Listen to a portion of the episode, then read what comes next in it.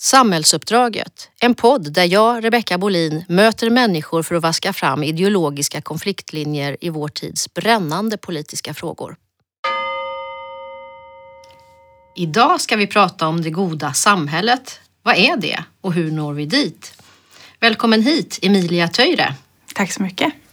Du är socialdemokratisk riksdagsledamot men i grunden terminalarbetare på gruvföretaget LKAB i Kiruna och du har dessutom lång erfarenhet från att jobba fackligt. Min första tanke när jag tänker gruva är att det är ett väldigt hårt och smutsigt jobb. Varje år hör vi om fruktansvärda gruvolyckor runt om i världen. Hur kommer det sig att du började jobba för ett gruvföretag? För att i Kiruna så är det eh, drömmen, eller var det då i vart fall. Eh, det var eh, jobb som man kunde få utan att ha någon speciell utbildning, bra betalt, bra arbetsvillkor. Eh, och faran med gruvnäringen var nog inte så närvarande för någon i min ålder vid det tillfället. Senare började du bli mer medveten om att det också fanns faror? Eh, absolut. Jag var med om en, eh, en olycka som hade kunnat sluta med mitt att jag skulle ha dött också. Eh, så att jag blev väldigt väl medveten om det. Hur kommer det sig att du eh, blev engagerad i facket? Mm, det var faktiskt som det brukar vara med mycket en slump. Jag åkte på en rockfestival. Där lärde jag känna en tjej som var väldigt engagerad och hon bjöd med mig på en utbildning som jag gick och sen var jag fast. Så det var en sån grundutbildning för unga som LO höll i. Du har många års erfarenhet av fackligt arbete och som riksdagsledamot. Du har säkert funderat en hel del över det goda samhället. Vad är det? Hur skulle du definiera det? Eh, jag skulle nog säga sådär spontant att det handlar om möjligheter. Att det goda samhället ger möjligheter att eh, du kan utvecklas, att du kan eh, må som ditt bästa jag. Eh, men att det inte innebär att andra eh, inskränks av det. Utan att det är någonting som gäller för alla i samhället. Det låter ju ganska basic och jag tror att de flesta liberaler skulle ställa upp på det. Mm. Som demokratisk socialist, vad är skillnaden jämfört med hur liberaler definierar det? Eh, jag tänker att det handlar om frihet på ett sätt som eh, innebär att alla är inkluderade i den friheten. Eh, jag tycker att frihet som begrepp är väldigt praktiskt att använda sig av. Men det är precis som du säger så kan man fylla det med så himla mycket.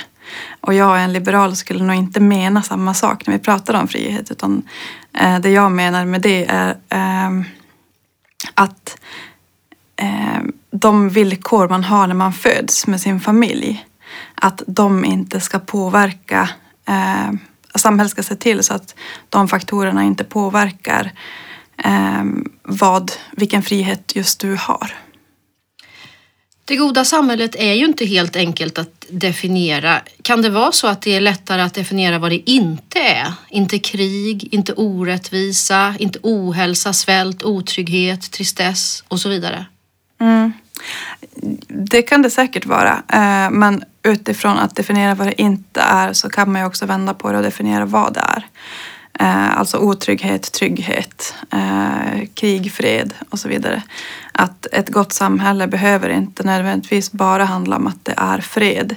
Utan att, eller rättare sagt, det räcker inte med att det bara är fred. Det krävs någonting annat också. Men jag tänker att det är ett förhållningssätt som man kan, där kan man starta i att grotta ner sig i vad man själv anser att det goda samhället är. En del säger att vi kan inte ha någon definition på det goda samhället för det beror så mycket på vilka värderingar vi har och i ett demokratiskt samhälle har vi såklart olika värderingar. Samtidigt tänker jag att eh, det ändå finns en värdegemenskap som många människor kan dela. Jag ska testa dig här med mm. några ja och nej-frågor. Okay?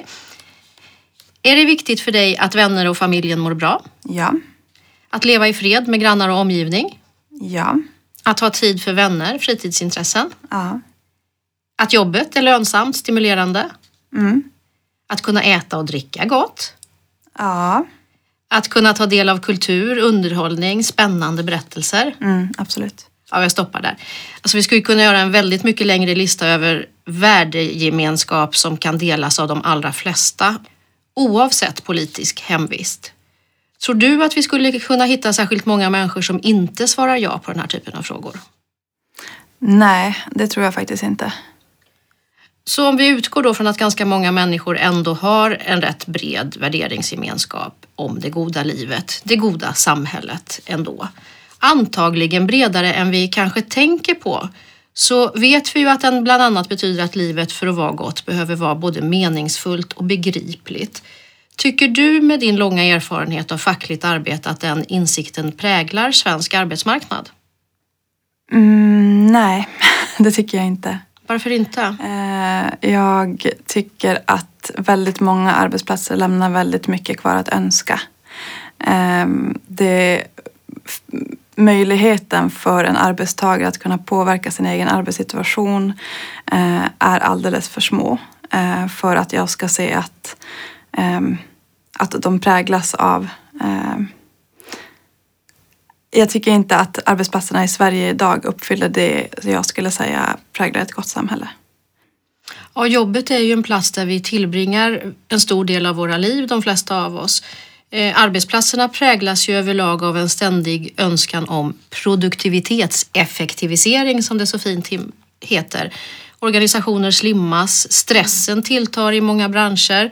Ehm, till det kommer att tjänstemän överlag har högre löner än arbetare. Mm. De som äger och har kapitalinkomster mm. drar ifrån rejält. Ser du att vi tar visionen om att bygga det goda samhället på allvar när det kommer till ekonomi och arbetsmarknad? Nej, nej, det gör jag verkligen inte. Eh, och jag tänker att eh, skillnaden mellan eh, arbetare och tjänstemän eller tjänstemän och akademiker, att jag ser inte att det är där vi borde börja i att få ett mer rättvist samhälle utan snarare i den andra änden som du också nämnde. Eh, att eh, de som äger företag och framförallt eh, större företag att det inte ifrågasätts vart vinsterna hamnar, vad man gör med vinsterna, på, på vems bekostnad vinsterna görs. Där tänker jag diskussionen skulle vara nyttigare att ta sin början. Ehm, och att inte... Det är lätt hänt att man jämför mellan grupper men arbetstagare är ändå arbetstagare som, ehm, som i sig har färre rättigheter än de som äger företagen. Eh, eller de som är eh, arbetsgivare. Så att jag tänker att det, eh, jämförelsen däremellan eh, haltar emellanåt. Sen är det klart att det är skillnad på att vara chef och att vara den underlydande. Eh, i hur mycket, makt, alltså hur mycket makt man har eh, över sin anställning och över, över sitt liv. Men jag tänker ändå att det är, eh, när det kommer till ekonomin så handlar det om vem som äger och vem som inte gör det. Det är den stora konfliktlinjen men en ny eh, linje har också blivit allt mer viktig och det är den mellan arbetstagare som har en trygg anställning och den som inte har det. Bemanningsföretag, inhopp, vikariat, sms-inringningar, det där växer. Har den linjen blivit viktigare? Mm, alltså, det har nog... Det har ju varit viktigt med trygga anställningar alltid men eh, det som jag ser idag är att eh, det ifrågasätts på ett sätt som inte är speciellt ärligt. Eh, och att det finns eh, de som gynnas av att färre har trygga anställningar. Eh, och här kommer vi också tillbaka till eh, vilka det är som har makten och vilka som inte har det.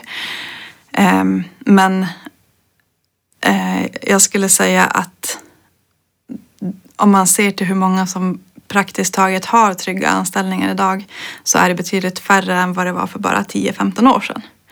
Eh, och det här är ju ett jätteproblem och framförallt för de som kommer nya på arbetsmarknaden som eh, på något sätt börjar förvänta sig att det är så här det ska vara. Eh, och förväntar man sig det så riskerar man att också stagnera i det eller rättare sagt att nöja sig med det eh, och att man eh, så småningom när man har fått en tryggare anställning och en annan position i samhället att man då eh, förväntar sig att de som kommer nya in på arbetsmarknaden ska ha samma ruttna villkor eh, för att man själv har, alltså att den här om inte jag har haft ska ingen annan heller ha. Det riskerar att komma dit hän. Eh, att den, vi måste vända på den tanken ja, menar du? Ja, att genast ifrågasätta. Eh, att se att man har ett värde som, som människa. Eh, och att att det inte är ett sätt att...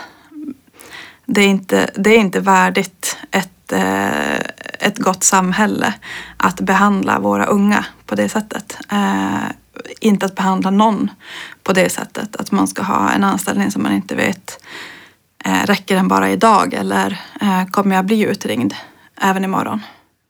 Så schyssta löner, eh, vettiga arbetsförhållanden, mm. en bra arbetsmiljö, det är en viktig utgångspunkt när vi pratar om det goda arbetslivet och det goda samhället. Du har jobbat fackligt och jag tänker att du säkert har varit med om att vinna en del segrar mm. under årens lopp. Vilka slutsatser drar du? Vad, vad spelar roll för att nå framgång? Mm, alltså jag tänker att när det kommer till förhandlingar, just så det som eh, krävs för att nå framgång är ju en lyhördhet. Eh, och att se att eh, en liten vinst är ju mer vinst än en stor förlust.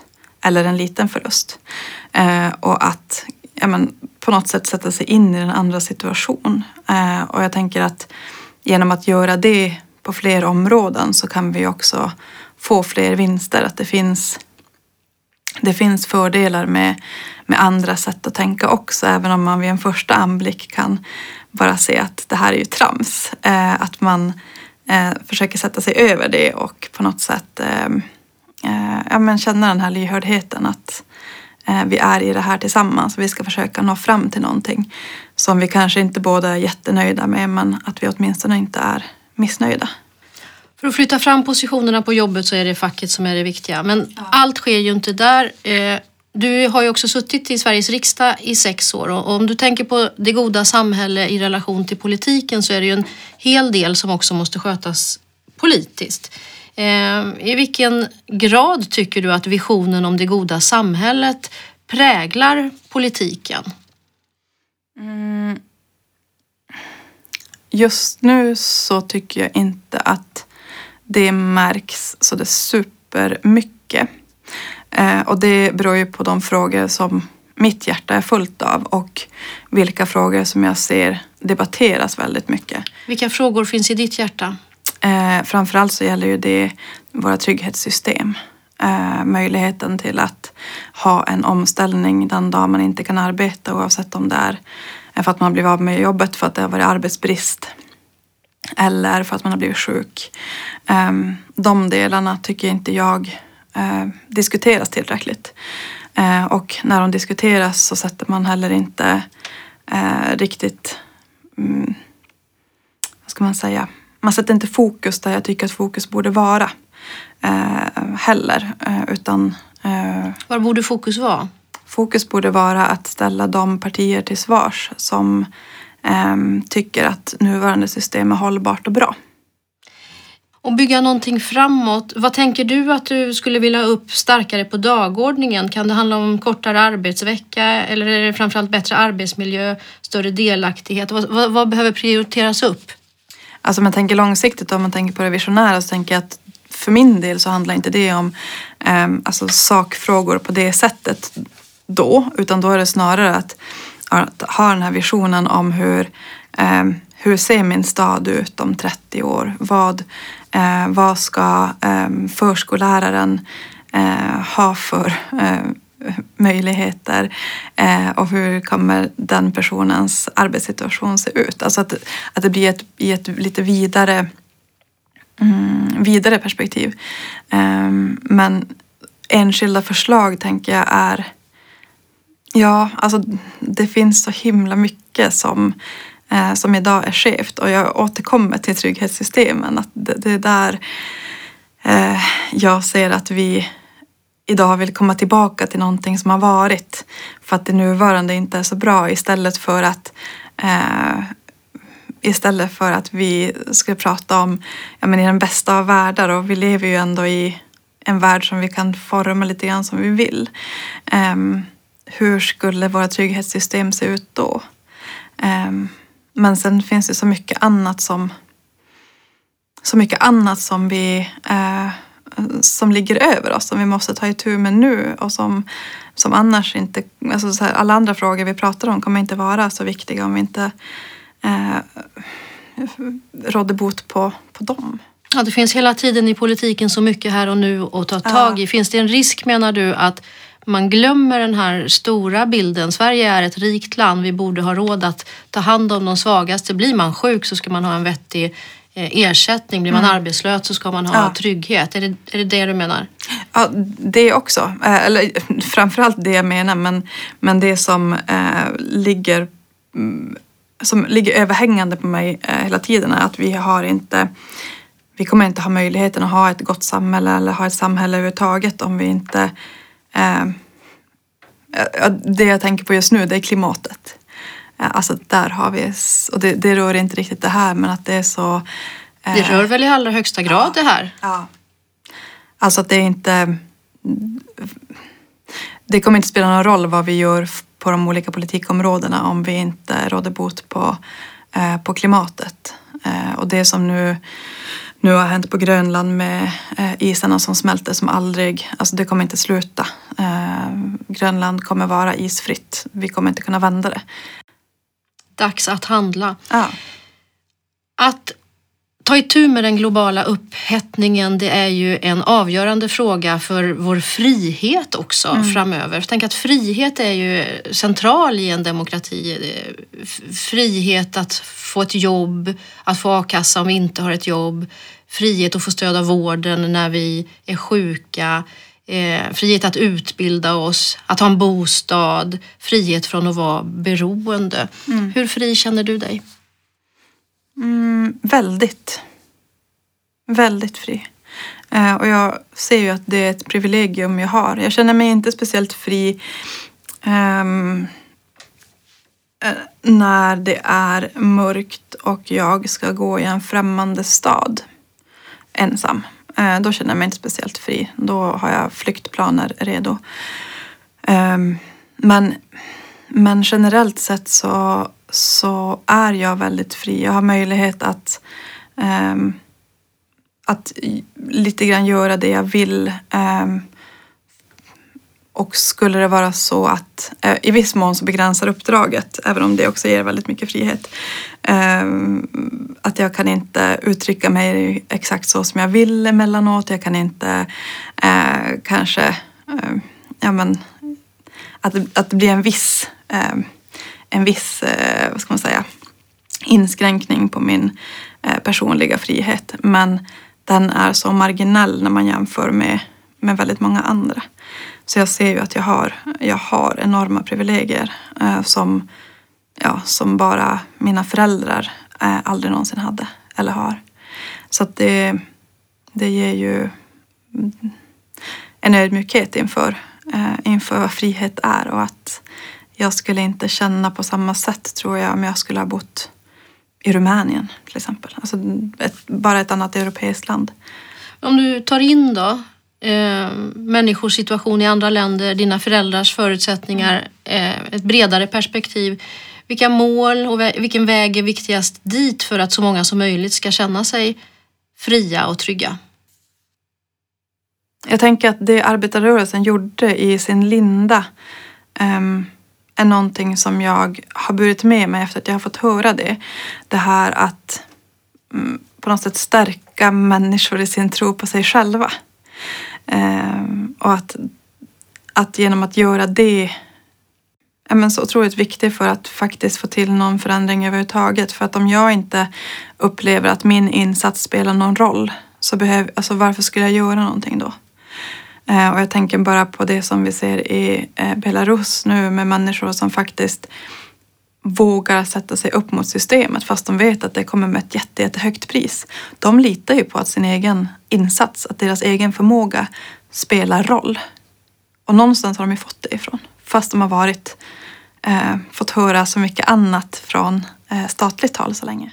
Ger det dig hopp? Alltså den här klimatkrisen som vi nyss pratade om. Där är också så att människor kan vara beredda att eh, verkligen komma ut, engagera sig. Vi kan mm. komma samman och koppla ihop en rad frågor om klimat och rättvisa. Mm. Ja, ja, alltså aktivism eh, tror jag är viktigt till en viss grad. Men jag ser att Alltså organisering är ju det som ger långsiktiga resultat och det som faktiskt eh, ger kraft och makt på riktigt och någonting som eh, och skillnaden jag sätter i det är um, är det här uh, att ha en plan, att ha, uh, att ha en riktning framåt, att se hur får man med sig fler i det här. Uh, att ehm, folkbilda, att se till att att man förstår varför någonting ska göras och tillbaka till det här att min egen insats är så himla viktig. Eh, jag är, jag är bara en av flera, men om jag lämnar så kommer ju mina ord inte, eh, inte komma fram i den här rörelsen. Ehm, så jag tänker att det är individens, vad ska man säga, individens roll i det stora hela, det är ju det som ehm, som jag tror gör att man väljer att engagera sig från första början. Att det, ja, det är viktigt och att det gör en skillnad. Att ha en plan, en vision är viktigt. Och sen har du mm. kommit tillbaks flera gånger också till det här med trygghetssystemen. Att vi stärker dem, bygger dem framåt är, är viktiga. Marknadsliberaler hävdar ju ofta att de här trygghetssystemen gör människor bortskämda och lata. De tror mer på frigörande konkurrens. Demokratiska socialister pratar istället om de här trygghetssystemen som en förutsättning för konkurrens. Hur ser du på den konfliktlinjen? Mm, ja, alltså jag ser ju att... Ja, men jag, jag tänker ofta på mig själv när det kommer såna här, eh, vad ska man säga, teorier om hur eh, olika system tenderar att slå. Och jag är inte en eh, jag är inte som alla andra, jag är unik men det är också alla andra.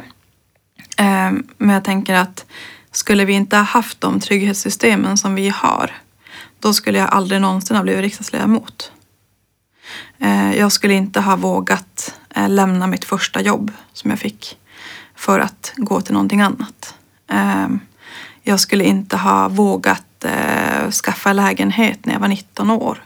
Jag skulle inte ha vågat göra än det ena än det andra för att jag skulle ha varit så fokuserad på min egen eh, överlevnad. Eh, jag skulle kanske eh, ha... Nej, det skulle jag inte ha gjort. Jag skulle absolut inte ha börjat plugga. Ehm, om inte jag hade haft det stödet. Jag hade inte, eh, mina föräldrar skulle inte haft den ekonomiska möjligheten att, eh, att se till att jag kan börja studera. Så jag tänker att det innebär ju en enorm ehm, ofrihet för en människa. Eh, att inte kunna välja, att inte kunna vara flexibel. Och jag tror heller inte att det skulle gynna företagen med rädda anställda. Eh, en rädd anställd kommer ju inte påtala fel och brister eh, och då kommer de finnas kvar. Vilket kan leda till inte bara, eller det borde ju vara det viktigaste att tänka på att det inte ska vara olyckor. Men, men om jag tänker på ur ett kapitalistiskt perspektiv, när människoliv inte spelar någon roll att eh, en olycka innebär ju en eh, stopp i produktionen. Eh, och man minimerar antalet stopp i produktionen, man minimerar produktionsbortfall eh, om man lyckas optimera hur arbetet går till. Om man har eh, anställda som eh, är lojala för att de vill vara det och inte för att de inte törs vara någonting annat.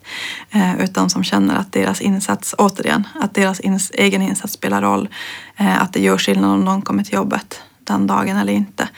Ehm, och det kan man ju bara se på länder som fungerar annorlunda än Sverige. Hur eh, otrygga anställningar får folk att agera och hur arbetsplatserna ser ut. Det är inte så att man i de länderna kanske ser att olika institutioner och företag är supereffektiva utan snarare tvärtom.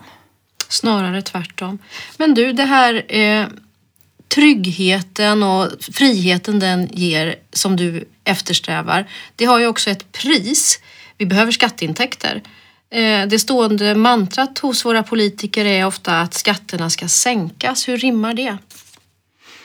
Mm, Ja, så jag tycker väl inte riktigt att det går ihop. Eh, helt enkelt. Alltså... Men när man pratar om att sänka skatterna så innebär ju det också att det vi har tillsammans minskar. Eh, det innebär att jag som individ måste fatta de besluten som eh, annars politiker som är heltidsarvoderade och som kan sätta sig in i frågor på ett helt annat sätt eh, skulle göra. Så att um, jag kommer ju få investera i min egen pension. Jag kommer ju få investera, alltså inte, inte bara det lilla, eller lilla, men ja, i lilla i sammanhanget uh, som man ska göra idag. Men jag får ju satsa hela, um, alltså köpa hela min pension själv. Um, och jag tänker att det kanske man kan göra om man har, eh, om man har det väldigt gott ställt. Att man då kan, eh, att man har den orken och den möjligheten att kanske köpa en tjänst som innebär att man ser till att man har en trygghet eh, ifall man skulle bli sjuk eller ifall man, eller ja, när man blir gammal, om man skulle få barn och så vidare. Men annars så är det ju skatterna som finansierar allt det här som vi tar för givet och allt det här som vi som jag tror att man behöver för att kunna kalla ett samhälle ett gott samhälle. Ehm, jag tror inte att, jag tror inte att det är speciellt många i Sverige som skulle vilja ha det det innebär på riktigt om man skulle sänka skatterna rejält. Skatter är viktigt för trygghet och frihet. Ja. Men du, ska vi runda av samtalet på ett personligt plan? Vad behöver du för att må bra? Mm, jag behöver eh, närhet av dem jag tycker om. Eh, jag behöver röra på mig eh, och jag behöver läsa. Tack Emilia Töjre för att du kom till podden Samhällsuppdraget. Och välkommen tillbaka ska jag säga, för i nästa avsnitt ska du och jag prata vidare om det goda samhället och framtiden. Missa inte det. Tack så mycket. Du har lyssnat på Samhällsuppdraget, en podd producerad av Leopard förlag i samarbete med LO och ETC Nyhetsmagasin. Programledare var jag, Rebecka Bolin, producent Johanna Ekeroth och tekniker Petter Brundell.